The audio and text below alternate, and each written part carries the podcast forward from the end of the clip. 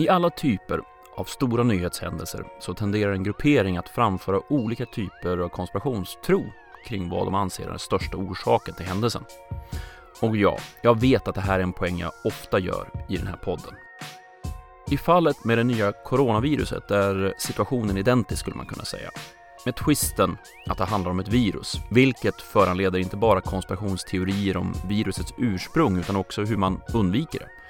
Vilka som drabbas egentligen, samt behandlingsformer som garanterat fungerar, men som etablissemanget inte vill släppa fram på grund av profithunger eller ren ondska. Normalt sett brukar inte kvalificerat hemligt handla om saker som är aktuella här och nu. Men med tanke på hur mycket konstigheter som är i omlopp samt vilket perfekt exempel det här skeendet är på hur konspirationstro formas och sprids är det lika bra att slänga ihop ett program. Så dra på er ansiktsmasken, badda händerna i klorin och ta ett djupt andetag.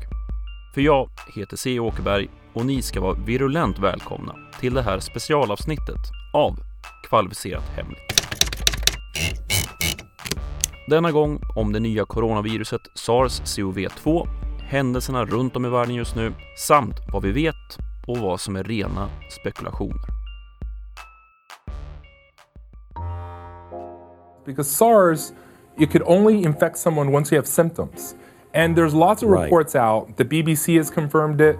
Uh, you know, former FDA Commissioner Scott Gottlieb, as well as this Ch- uh, Chinese Minister of Health, confirmed it that it's you can transmit this even when you have no symptoms. And that's and up to that is five really days. tricky.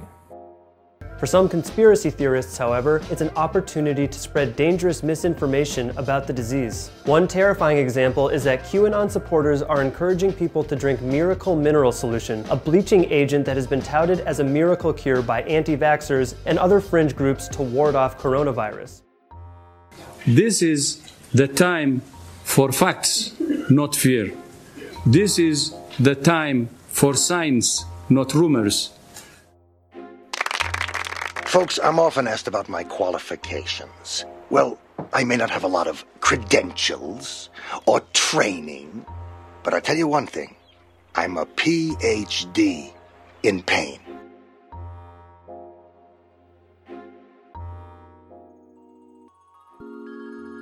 Det hela började som en flaggning till WHO under de sista dagarna av 2019. Kinesiska läkare i Hubei-provinsen i östra Kina hade noterat att patienter kom in med lunginflammation. Men det var inte på grund av ett känt virus. Något senare kunde man konstatera att det var en ny, hittills okänd variant av coronaviruset. Till en början handlade det enligt Kina om ett 20-tal patienter. Men siffran ökade snabbt. Från att bara ha gällt storstaden Wuhan i Hubei-provinsen och ett antal besökare av en djurmarknad så börjar det handla om ett hundratal spridda över närliggande provinser. Well, China's coronavirus continues to spread. Authorities are saying the outbreak could peak in 10 days. There have now been 132 deaths, close to 6,000 cases, and 16 countries outside China have confirmed cases. As you can see from this graph, the number of cases has spiked over the past week, and the city of Wuhan continues to be at the center of the outbreak. Sen var det tusentals drabbade över hela Kina.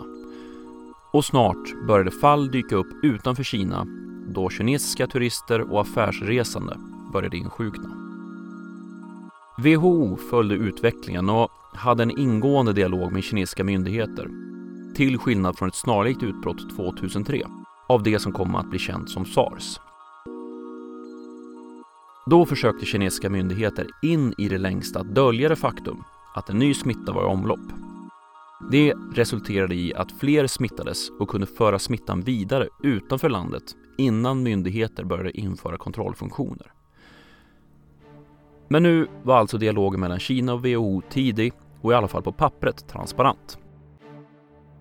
23 januari meddelar Kina att man har satt jättestaden Wuhan med 11 miljoner invånare där smittan verkar ha haft sitt ursprung i karantän. Resor in och ut från storstaden begränsas kraftigt, men även transporter inne i staden ställs in. Antalet bekräftade smittade vid det här laget är då 571 och antalet döda är 17 stycken.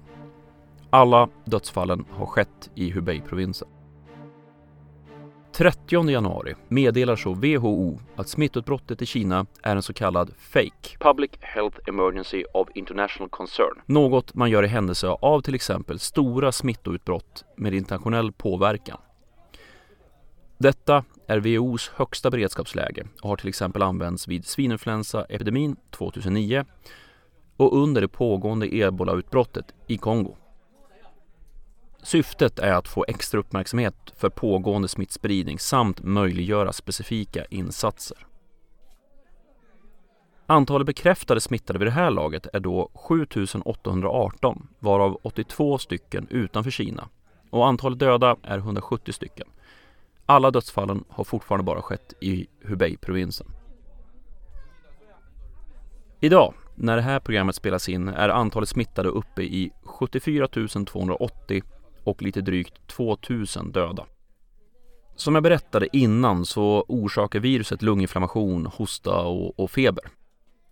De som är värst drabbade av den här typen av sjukdom är ungefär samma grupp som under influensan, det vill säga kroniskt sjuka och de äldre. Smittspridning sker genom det vi kallar droppsmitta, det vill säga små partiklar av saliv och liknande som sprids av den som är sjuk. Inkubationstiden, alltså den tid mellan att en person utsätts för viruset tills att sjukdomen bryter ut, bedöms idag vara mellan 0 till 14 dagar. När viruset började sprida sig internationellt dök det upp ett fall i Tyskland där man hävdade att en person som inte hade några symptom vid det här tillfället skulle ha smittat deltagare på en konferens. Det är något som kallas för asymptomatisk spridning och är en farhåga för myndigheter för kan en sjukdom spridas av en person som inte verkar eller känner sig sjuk, ja, då är utmaningen flerdubbelt större. Men vid senare kontroll visade det sig att personen redan hade börjat få symptom och att hen kände sig dålig under konferensen.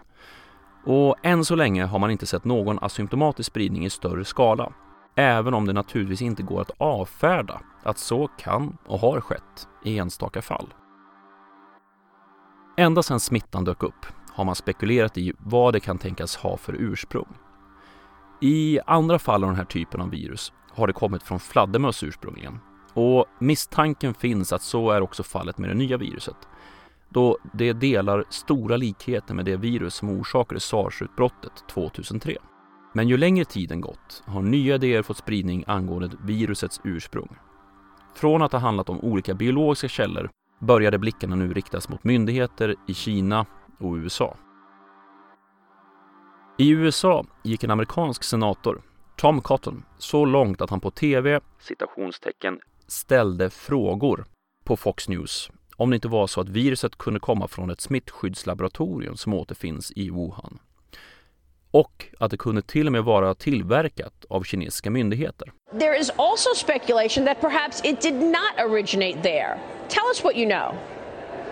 Yeah, so Maria, here's what we do know. It, this virus did not originate in the Wuhan animal market. Epidemiologists who are widely respected from China who have published a study in the international journal The Lancet have demonstrated that several of the original cases did not have any contact with that food market. The virus went into that food market before it came out of that food market. So we don't know where it originated, but we do know that we have to get to the bottom of that. We also know that just a few miles away from that food market is China's only biosafety level 4 super laboratory that researches human infectious diseases. Now, we don't have evidence that this disease originated there, but because of China's du duplicity and dishonesty from the beginning, we need to at least ask the question to see what the evidence says. And China right now is not giving any evidence on that question at all. Skälet bakom varför man skulle släppa loss ett virus på främst den egna befolkningen var inte lika viktigt att svara på som att få chans att citationstecken ställa frågor.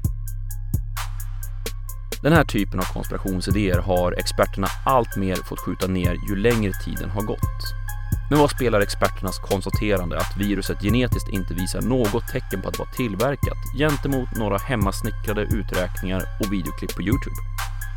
Det bizarra är att påståenden som Cotton slänger sig med är allt som krävs. Ingen på Fox avkrävde senatorn någon form av förklaring eller bevis för det han påstod. Detta trots den stora mängd kunskap som redan finns om virusets struktur och dess förekomst i Wuhan. En analys av viruset visar med hög trolighet att det utvecklas hos ett värddjur baserat på ett av de coronavirus som förekommer i naturen. Hade viruset varit framtaget i laboratorium hade det haft en mycket mer homogen struktur baserat på vanliga labbtyper av ett coronavirus. Dessutom har man efter undersökning och sanering av den tidigare nämnda marknaden sett att man har en koncentration av smittspridning vid marknadens västra del, där levande djur hölls. Det stärker tesen om att smittan kommer just från ett värddjur och inte anländer till marknaden via en smittad människa. Det finns även de konspirationstroende som hittat en patentansökan från 2015 där ett företag söker patent för ett coronavirus. Aha! Saken är biff.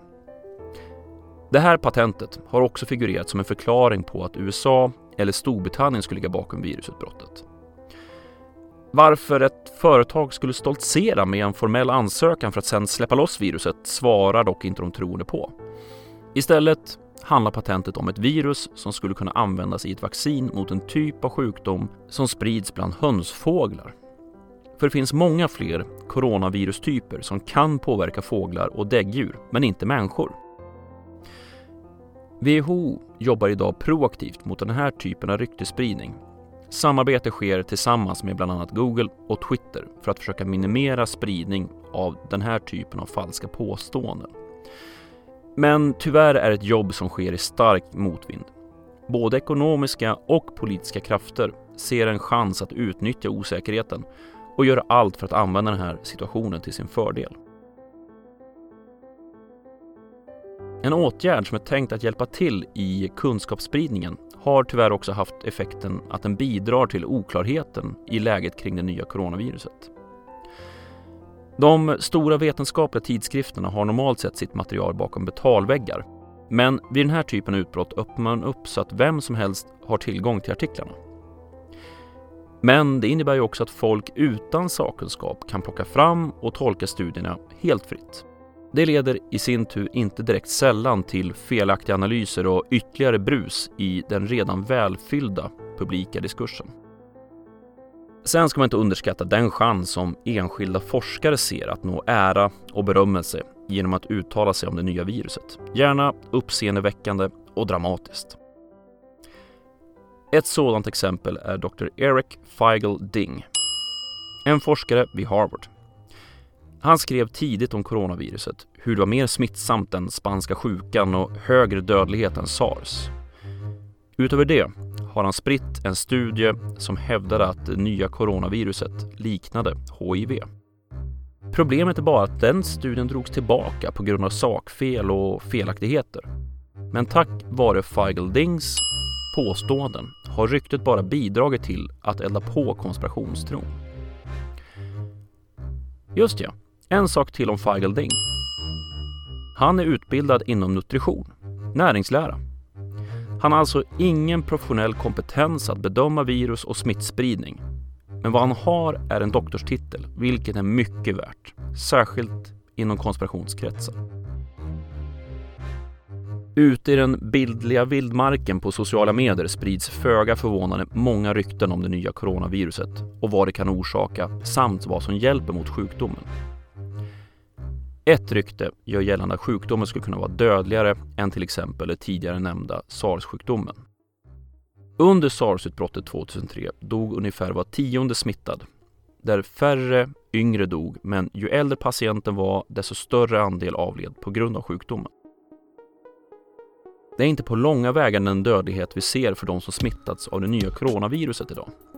Även om det är krasst att tala i sådana termer ser man att dödligheten ligger någonstans på en halv till 2 procent av de smittade, där ålder och kronisk sjukdom är riskfaktorer.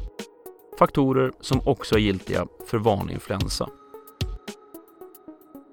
Och apropå vanlig influensa. Kina som nation är inte skonad från säsongsinfluensans härjningar.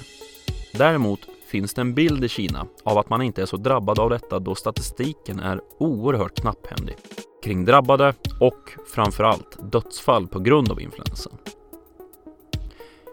Att inte rapportera dödsfall är inget iögonfallande i sig. Sverige till exempel rapporterar inte heller den typen av statistik, men det finns modelleringar och så vidare på detta. Men Kina har få, om några, siffror på det. Som exempel, för 2016 och 2017 finns det officiella siffror på dödsfall på grund av säsongsinfluensa på 46 respektive 41 personer på en befolkning på 1,25 miljarder. Men det finns forskare som statistiskt modellerat hur det så att säga borde se ut för Kina när det kommer till påverkan på grund av säsongsinfluensa. Och deras resultat pratar om i snitt 88 000 dödsfall per år. Den här diskrepansen och bristen på skarp data har tyvärr fört med sig att den kinesiska allmänheten har en bild av att man inte är så drabbad av influensa. Att man är typ immun. Därför är också vaccinationsgraden förhållandevis låg bland kineser, någonstans runt 2% av befolkningen. Även om det under senare år börjat röra sig uppåt i takt med att myndigheterna börjat agera i den här frågan. På grund av bristen på data kring säsongsinfluensan och hur den påverkar Kina bör man vara försiktig med att dra allt för långtgående slutsatser om nya coronavirusets dödlighet eller spela upp farhågorna. Det totala fokuset på det nya viruset gör att man får fram data som annars hade dolts att säga i vardagen. Och även om nu myndigheter har stort fokus på utbrottet av det nya coronaviruset och WHO har utropat PHEIC så vet man inte riktigt var den tar vägen eller om det hela har så att säga kulminerat. Virusutveckling är väldigt svårt att sia om. Försök har gjorts tidigare och man har haft något så fruktansvärt fel.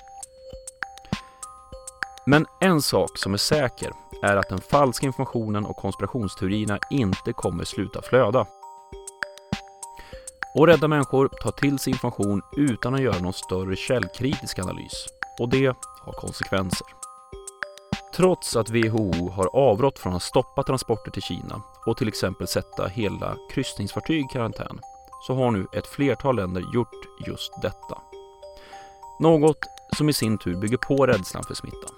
Och den här rädslan, den blev väldigt påtaglig i Ukraina strax innan det här avsnittet spelades in. Det var då man tog hem ett antal ukrainska medborgare från Wuhan. Den transporten möttes av våldsamma demonstranter som byggde vägspärrar och kastade sten. Av rädsla för att man nu hade fört in viruset i landet. Tonight, the global fear of COVID 19 as cases around the world continue to grow. Anger boiling over in Ukraine as evacuees from China touch down for quarantine. Protesters there clashing with police after a false rumour a handful were infected with the new coronavirus. Och den här rädslan tar sig också uttryck som är rent rasistiska. Många personer med asiatisk ursprung berättar om hur de blivit avvisade från affärer och restauranger på grund av rädslan att de skulle vara smittsamma. Med tanke på hur stor osäkerhet som fortfarande råder kring viruset och smittan så är det klokt att vara försiktig som enskild. Men som enskild medborgare är man också klokt i att lyssna på vad den egna folkhälsoexpertisen säger om läget. I Sverige har Folkhälsomyndighetens generaldirektör Johan Carlsson gått ut och meddelat att vården har god beredskap för eventuella smittade och smittspridning i samhället. Så, för att sammanfatta för dig som lyssnar. Viruset tycks komma från ett värddjur i Kina på naturlig väg. Det händer då och då att nya virus hoppar över från djur och börjar spridas bland människor. Inget av det som sker tyder på någon form av illvillig spridning eller annat ondskefullt uppsåt. Du som är fullt frisk behöver inte oroa dig för viruset och smittan i det här läget i Sverige. Vi har ingen smittspridning i Sverige. Men du får jättegärna visa hänsyn och nysa i armvecket samt tvätta händerna. Du vet, vanligt hyfs. Och tillhör du riskgrupperna, se då till att du har vaccinerats mot säsongsinfluensan till att börja med även om det nu är i senaste laget. Säsongsinfluensan är idag ett klart mycket större hot mot din hälsa än coronaviruset. Svenska UD avråder från icke-nödvändiga resor till Kina just nu, undantaget Hongkong och Macao. Skälet till detta handlar inte bara om risken för smittspridning utan också det faktumet att du som resenär både belastar den lokala infrastrukturen samt riskerar att få problem med att resa och ta dig runt väl på plats. När det här avsnittet spelas in är det söndagen den 23 februari och under helgen har nyheter kommit att man ser en smittspridning i Italien, Sydkorea och Iran. Risken är att spridningen får sådan fart att WHO kommer att deklarera i närtid att det är en ny pandemi. Och även om folk tycker att ordet pandemi är obehagligt och att det antyder något farligt så innebär det egentligen bara att spridningen sker på en global nivå. Det säger ingenting om en ökad farlighet. Så håll det i åtanke när ni följer nyheterna nu i närtid. Den nya spanska sjukan är inte här. Men man gör ändå klokt i att lyssna på hur svenska myndigheter riskvärderar detta framöver.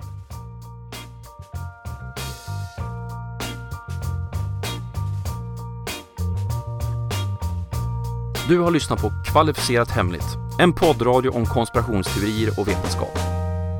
Länkar till musiken, videoklipp och annat som nämns i programmet återfinns på programmets hemsida, khpodden.se. Jag heter C. Åkerberg och tack för att du har lyssnat.